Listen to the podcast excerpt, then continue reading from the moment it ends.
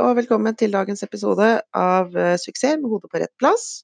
Podkasten for deg som er interessert i hvordan ditt mindset kan påvirke din ridning og dine resultater. I dag så skal eh, Linda og jeg snakke om motivasjon. Motivasjon det er ferskvare, og det er eh, din oppgave å holde deg motivert. Men det er ikke alltid så lett, fordi at motivasjonen den kan svinge. Den kan gå opp, og den kan gå ned. Og når du er demotivert, så kan det være litt eh, problematisk å komme seg opp igjen for egen maskin. Så i dag så vil vi gi deg tre supertips til å beholde motivasjonen, så du kan nå dine mål og dine drømmer. Dagens episode er sponset av eh, Tultrider Saddle Company. De er bl.a. forhandler av eh, saler til islandshest og annet utstyr. Du finner Tultreider Saddle Company på Instagram og på Facebook. Da ønsker jeg deg god lytting!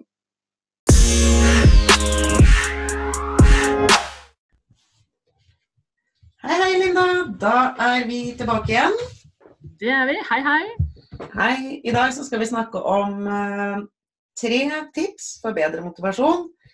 Fordi det er mange der ute som uh, opplever at motivasjonen kan være litt uh, sånn i bølgedaler. Plutselig er du ja. motivert, så er du demotivert. Og så vet du ikke helt hvordan, hvordan du skal komme deg opp igjen da, av den bølgedalen, eller hva som egentlig skjer i forkant av den bølgedalen. Ja, og jeg tenker altså alle, alle opplever at motivasjonen går opp og ned. Eh, og, det vi skal snakke litt om i dag, er hvordan kan du finne ut hva, hva som er problemet, og, og hvordan løse det. Mm. For vi har, uh, har jo drodla og snakka litt om dette her, og kommet fram til at uh, det første tipset vi vil dele, det handler om å få klarhet og det å tenke nytt. For det er jo mange som leser et eller annet ukeblad eller på nett eller hvor som helst at sett deg store mål, lag en stor drøm jobb mot den, og så gjør man det. Og så er det egentlig utrolig morsomt. Man blir sånn supergira når man begynner også å lage sånn drømmescenario, og dit vil jeg. Jeg vil bli skikkelig god rytter. Uh, og så bare flyter man av gårde på en sånn sky av motivasjon mot det her drømmemålet. Og når det går noen uker, og den der Jeg kaller det at man er litt nyfrelst på egne mål. Når den begynner å gi seg, da Ja, da synker motivasjonen. Det er en ganske vanlig Har du noen uh, syn på det du, Linda? Ja, nei, jeg tenker jo at det, det, viktigste man skal huske med mål, er jo at de er konkrete nok. Og vi skal jo snakke mye om, om det i en seinere podkast òg. Men, men, men, måten du setter målet på, og ikke minst da evnen til å tenke nytt hvis du merker at motivasjonen dabber. Evnen til å si at OK, men hvis jeg gjør det sånn isteden, OK, dette funka ikke for meg da, da, er du veldig mye nærmere å nå det store målet, og kanskje må du dele det opp. Det, det er noe av det viktigste. Definitivt. Man må dele det opp i små babysteps, hvis ikke så blir det jo ingenting eh, av. Da mm. hopper man uti det med begge beina og skyter fra hofta med målet sitt. Og det, det går faktisk aldri bra. Men øh, jeg tenkte på Jeg ser jo veldig ofte dette her med med folk som f.eks. har prestasjonsangst, og så kommer de i, i, coaching for å jobbe med det. Eh, og da kan man jo ha en drøm som handler om at man vil bli den beste rytterutgaven av seg sjøl. Altså du vil, vil, bli en god rytter. Ikke nødvendigvis for at du skal konkurrere, eller sånne ting, men du vil, liksom, du vil bare være en god og flink rytter. Uh, og, og, er skikkelig gira. Finner en kjempefin instruktør som kjemien stemmer med alt stemmer. Men du har denne prestasjonsangsten. Og så starter man opp, tar rideundervisning, opplever at du får god mestring. Men uh, etter hvert så begynner, begynner det å stagnere. Altså, du kommer egentlig ikke videre. Og det handler jo om dette her med at når du har prestasjonsangst, så så eh, er du ikke så veldig mottakelig for læring. Hjernen din har gått i en sånn modus at du eh, enten er i fight, flight eller freeze, og du er veldig mye oppi hodet ditt og tenker. Eh, og grubler og holder på. Og da blir det jo demotivering. Men så snakka du nå, Linda, om å tenke nytt. ikke sant? Man har fått en eller annen slags klarhet i at dette fungerer ikke, og her vil mange gi opp. Men hva skal vi nå si for at folk skal ikke gi opp, men faktisk bli motivert til å fortsette? Jeg pleier å se på den, Hvis jeg, hvis jeg merker at motivasjonen dabber, så pleier jeg å eh, og i hvert fall etter at jeg begynte å bli veldig bevisst mine egne tanker, tenk, finne ut av hvor er det det lugger i motivasjonen. Hvor er det Hvor er motstanden hen? Eh, ligger motstanden i at jeg begynner å bli lei av å sitte og terpe på akkurat det samme? Ligger, ligger problemet i at jeg syns ikke jeg har nok framgang i forhold til hva jeg hadde forventa? Ligger problemet i måten jeg snakker til meg selv akkurat når det skjer? Altså, akkurat helt presist hvor ligger problemet, og så gjelder det å tenke nytt rundt det. og tenke, ok, Så hva skal jeg bytte det ut med? For Hvis ikke du har en plan for hva du skal bytte det ut med, så fortsetter du å gjøre det samme. For du, du vet ikke hva du skal gjøre ellers. Mm. Eh, og det handler litt om de sporene vi har i, i, i tankemønstre. Altså, tankemønstre er mønstre. De går i det, det mønsteret de er vant til å gå hvis de får muligheten. Mm. Og det mønsteret kan jo feste seg veldig hardt. Så dette her med også tips én, da, det tenker jeg må være at man må få en, en klarhet i hvor lugger det. Og man må tenke, tenke seg om, altså tenke nytt. Og hva er egentlig Altså hva er bunnproblemet ditt? Hvor lugger det aller, aller, aller mest?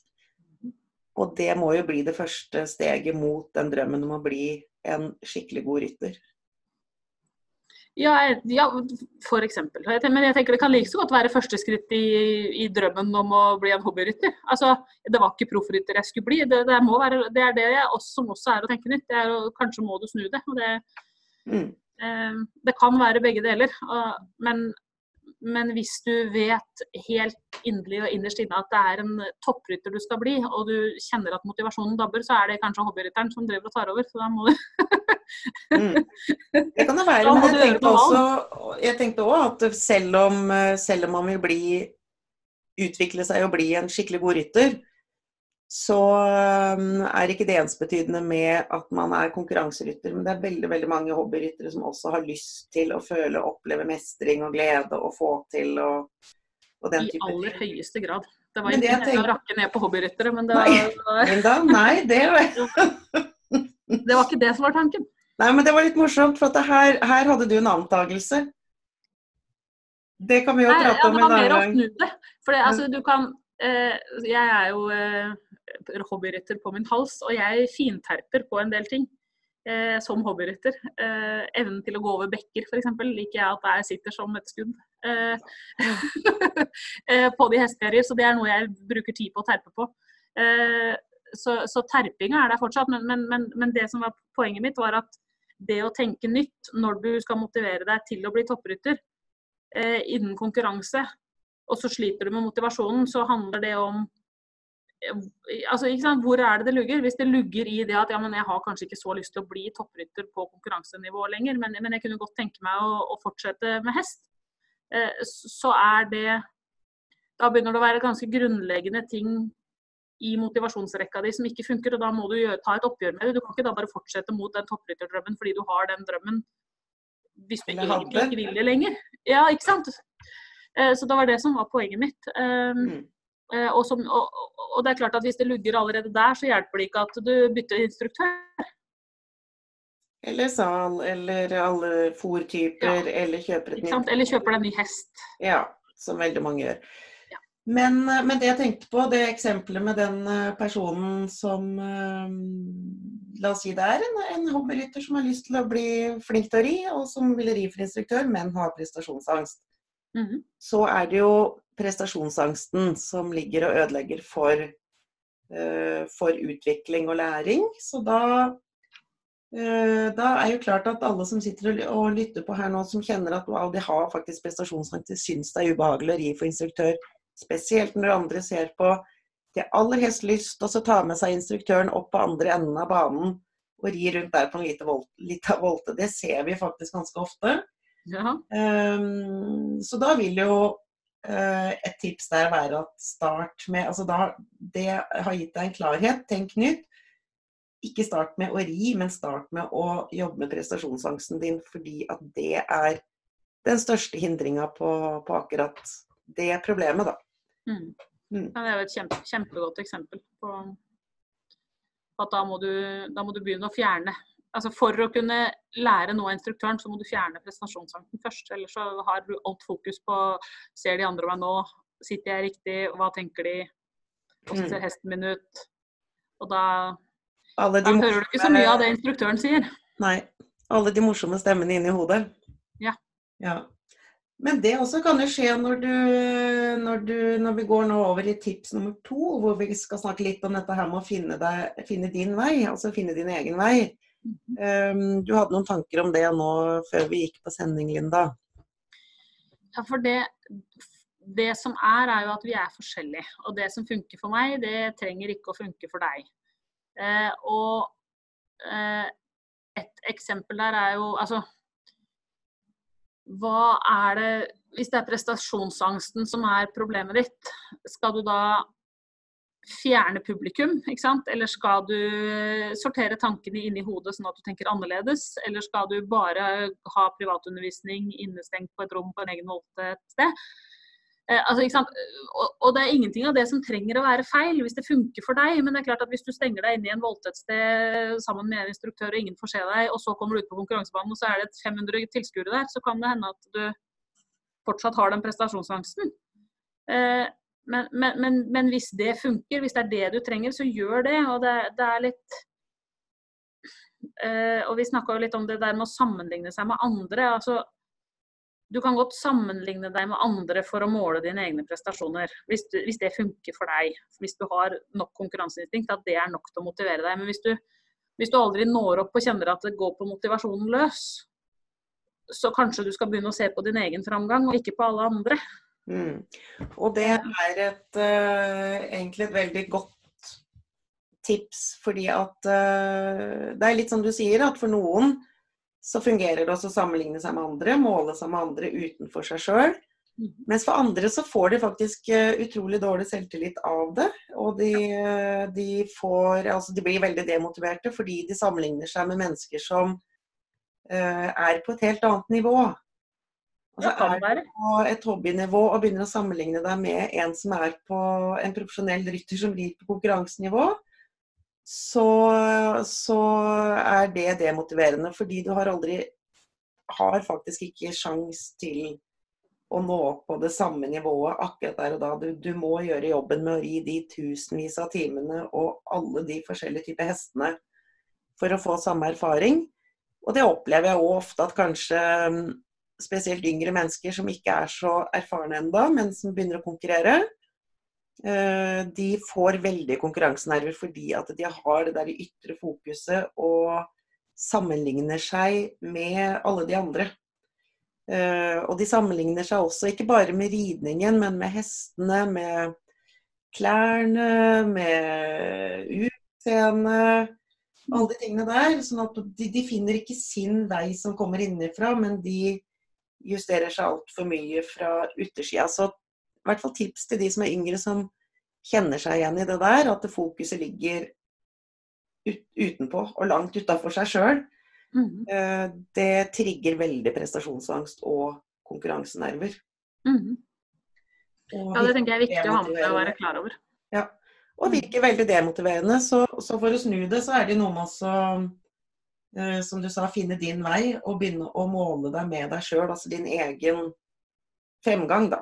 Det som vi kaller for uh, prosessmål. Mm. Mm.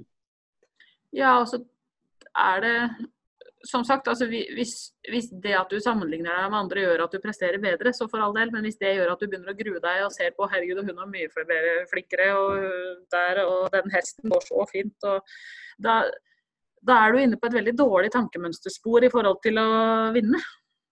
Mm. Eh, og i forhold til å prestere.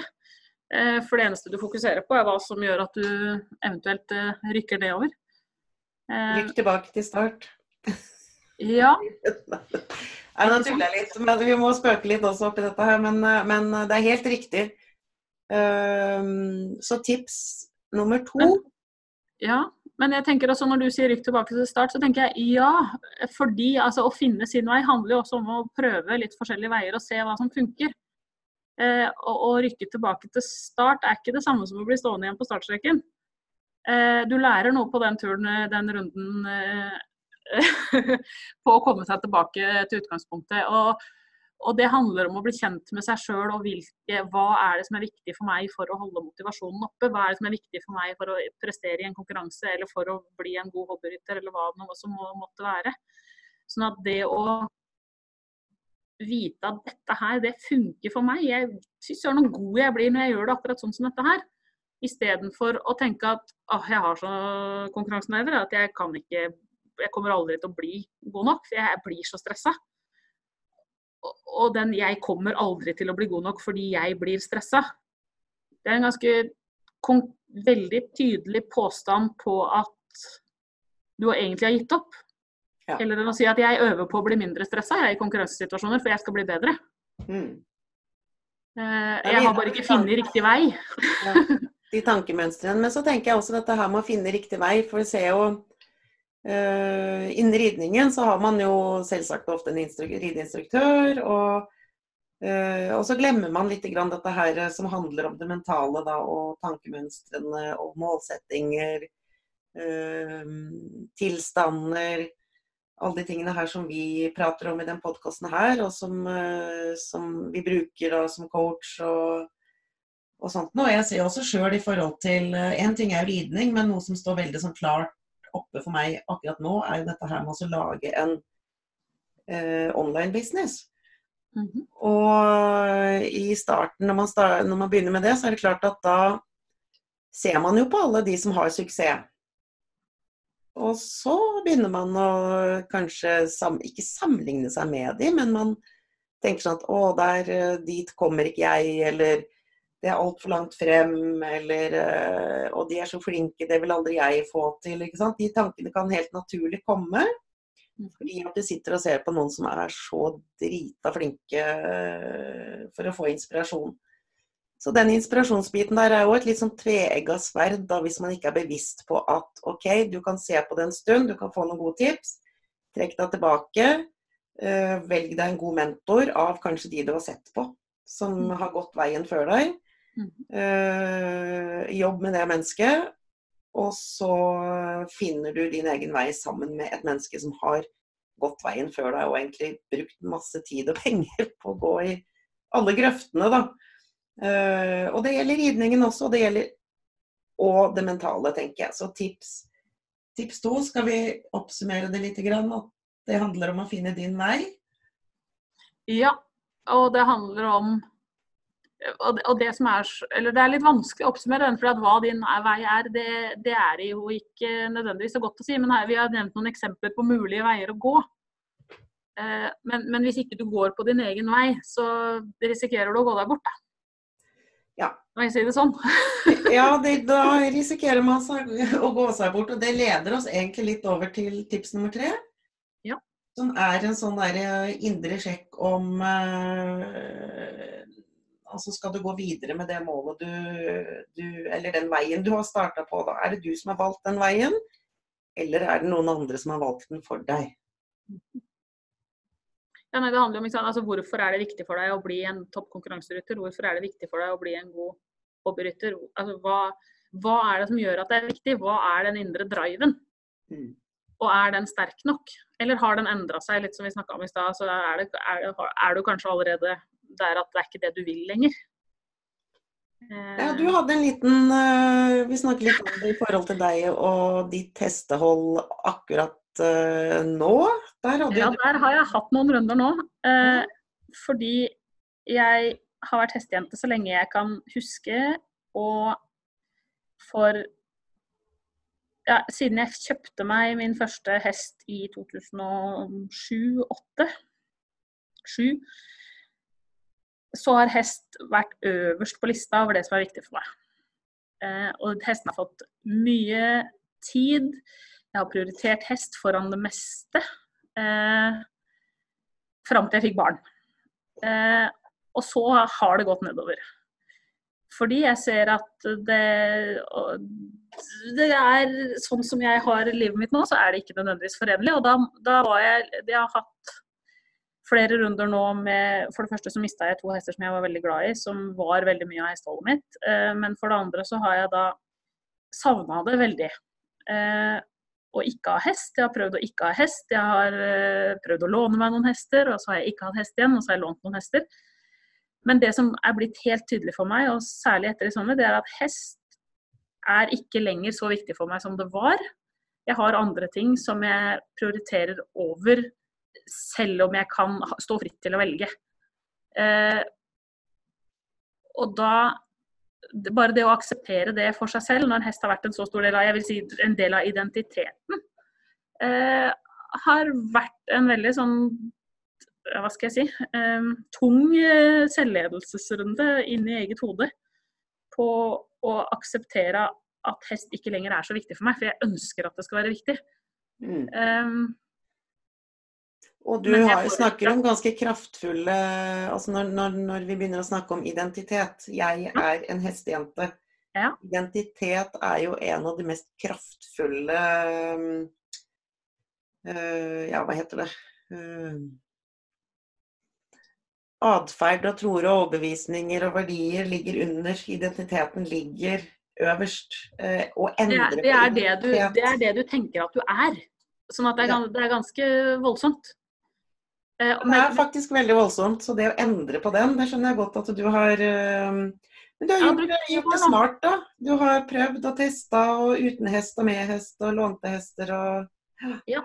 Jeg har prøvd i, i, i to, to, år har jeg brukt folk til å komme fram til erkjennelsen, erkjennelsen at jeg er fortsatt en hestejente, men sånn som livet mitt er nå, så prioriterer jeg ikke hest. Det er der jeg har landa. Hvis vi tenker motivering, da. De som er ehm, For da, da brukte jo du to år på den uh, prosessen. Og jeg vil tro at du sånn i den prosessen har vært både motivert og demotivert. At det har svingt litt grann, inntil du kom til en beslutning. Absolutt. Og hver gang jeg har lånt meg hester, så har jeg gått på Meny Frisk og vært veldig glad for å ha hest.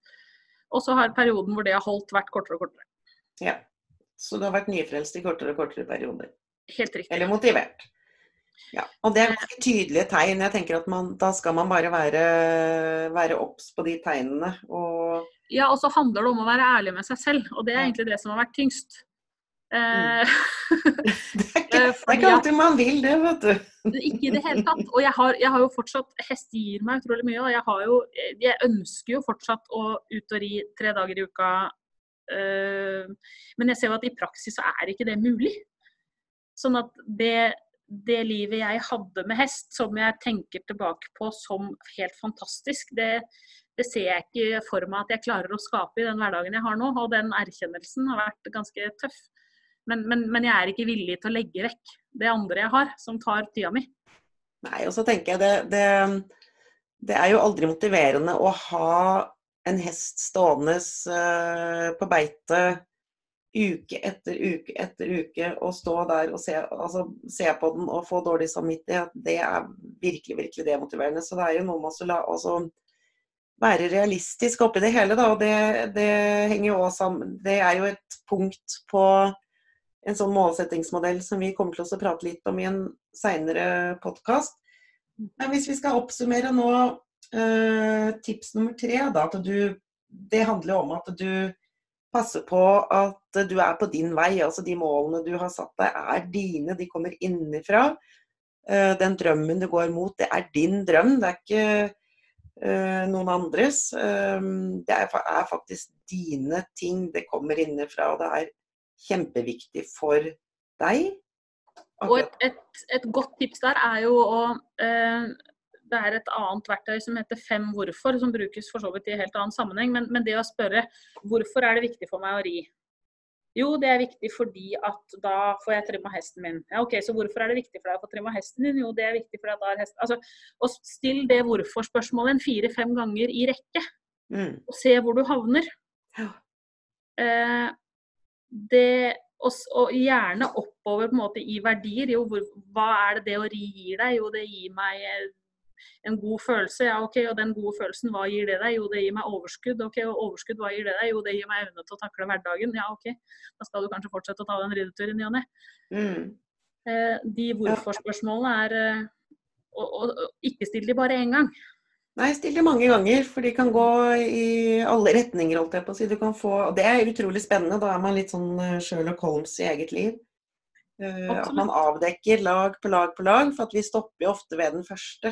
Altså hvorfor, ja. hvorfor vil du? Jo, fordi det er gøy, eller fordi det gir meg frihet, eller fordi du får masse venner.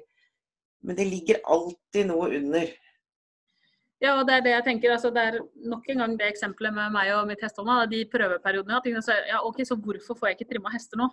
Ja, hvorfor er jeg ikke ute med hest nå? Jo, fordi at det var noe annet som var gøy, eller det var ja. ja. ja. Og av og til kommer det noen, noen forpliktelser også, da, som uh... Ja, nei, sånn er det. Ja, det er perioder.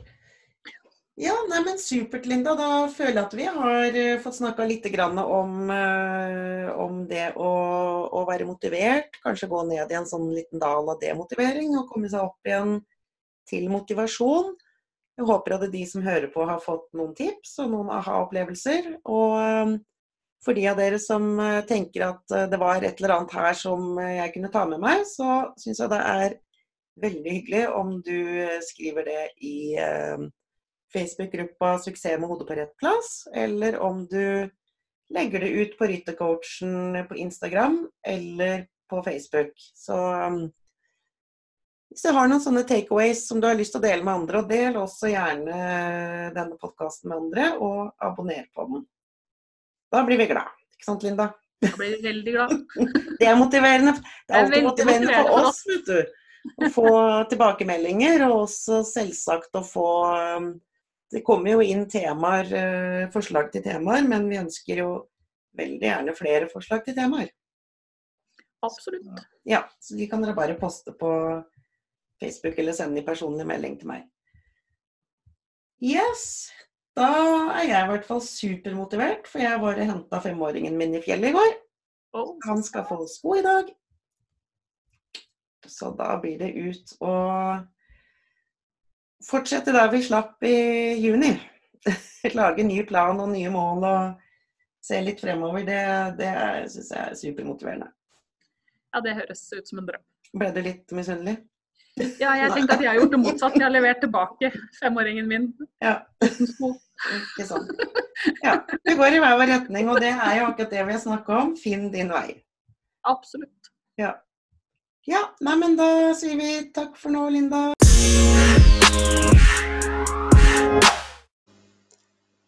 Tusen, tusen takk for at du har lyttet til oss, og håper at du fikk noen eh, tips fra episoden som du kan ta med deg videre inn i, i ditt liv. Del gjerne podkasten, eh, da blir vi superglade hvis du deler den med dine venner eller andre som du tenker at kan eh, ha glede av å høre på de episodene som ligger ute til nå. Trykk gjerne på liker på Ryttercoachen på Instagram og Ryttercoachen på Facebook. Og kommenter gjerne under de ulike podkastene hvis du uh, føler for det. I disse dager så lager jeg et fire timers gratis treningsprogram for deg som har lyst til å kickstarte 2021 og gjøre det til ditt beste år. For å delta på det gratis eh, fire timers treningsprogrammet, så må du melde deg inn i gruppen 'Suksess med hodet på rett plass' på Facebook. Det er kun for de som er medlem i den gruppen.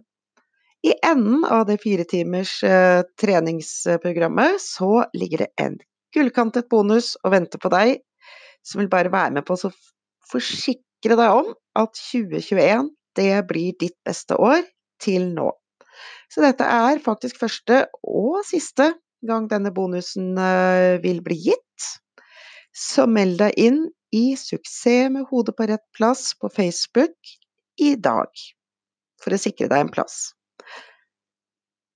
Denne episoden den er sponset av Tøltreider Saddle Company, og de finner du på Instagram og Facebook under Tøltreider Saddle Kompani. De forhandler saler og annet utstyr.